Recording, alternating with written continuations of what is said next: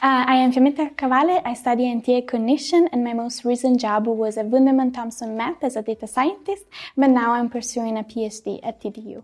So in my most recent job, I work mostly in the R&D department, the research and development department as a data scientist, uh, which means that I was responsible for modeling deep learning and machine learning models.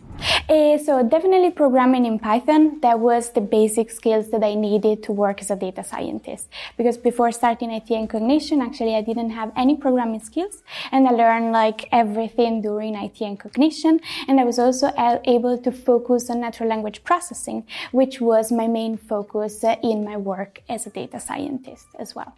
Um, I got my first recent job actually through applying for a much more technical one, which I knew from the beginning I would not to get because they were looking for somebody with like three years experience.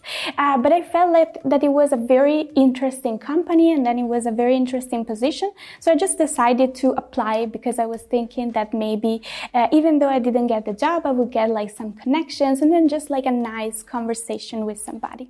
So I actually got an interview with this uh, company. And then, of course, the the, the interview, interviewer told me that they were looking for somebody more experienced than me. But then he recommended me to the uh, manager of like my um, of Wunderman Thompson, so my most recent job.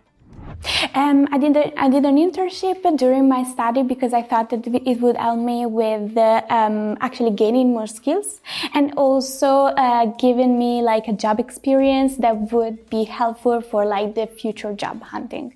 Actually, my career path just changed. Um, I just recently got a PhD position um, and uh, this is something that I wanted to do for a long time, but I felt that I really needed some work experience before in order to be able to like work properly on different uh, tasks and be independent before actually embarking on the PhD uh, journey.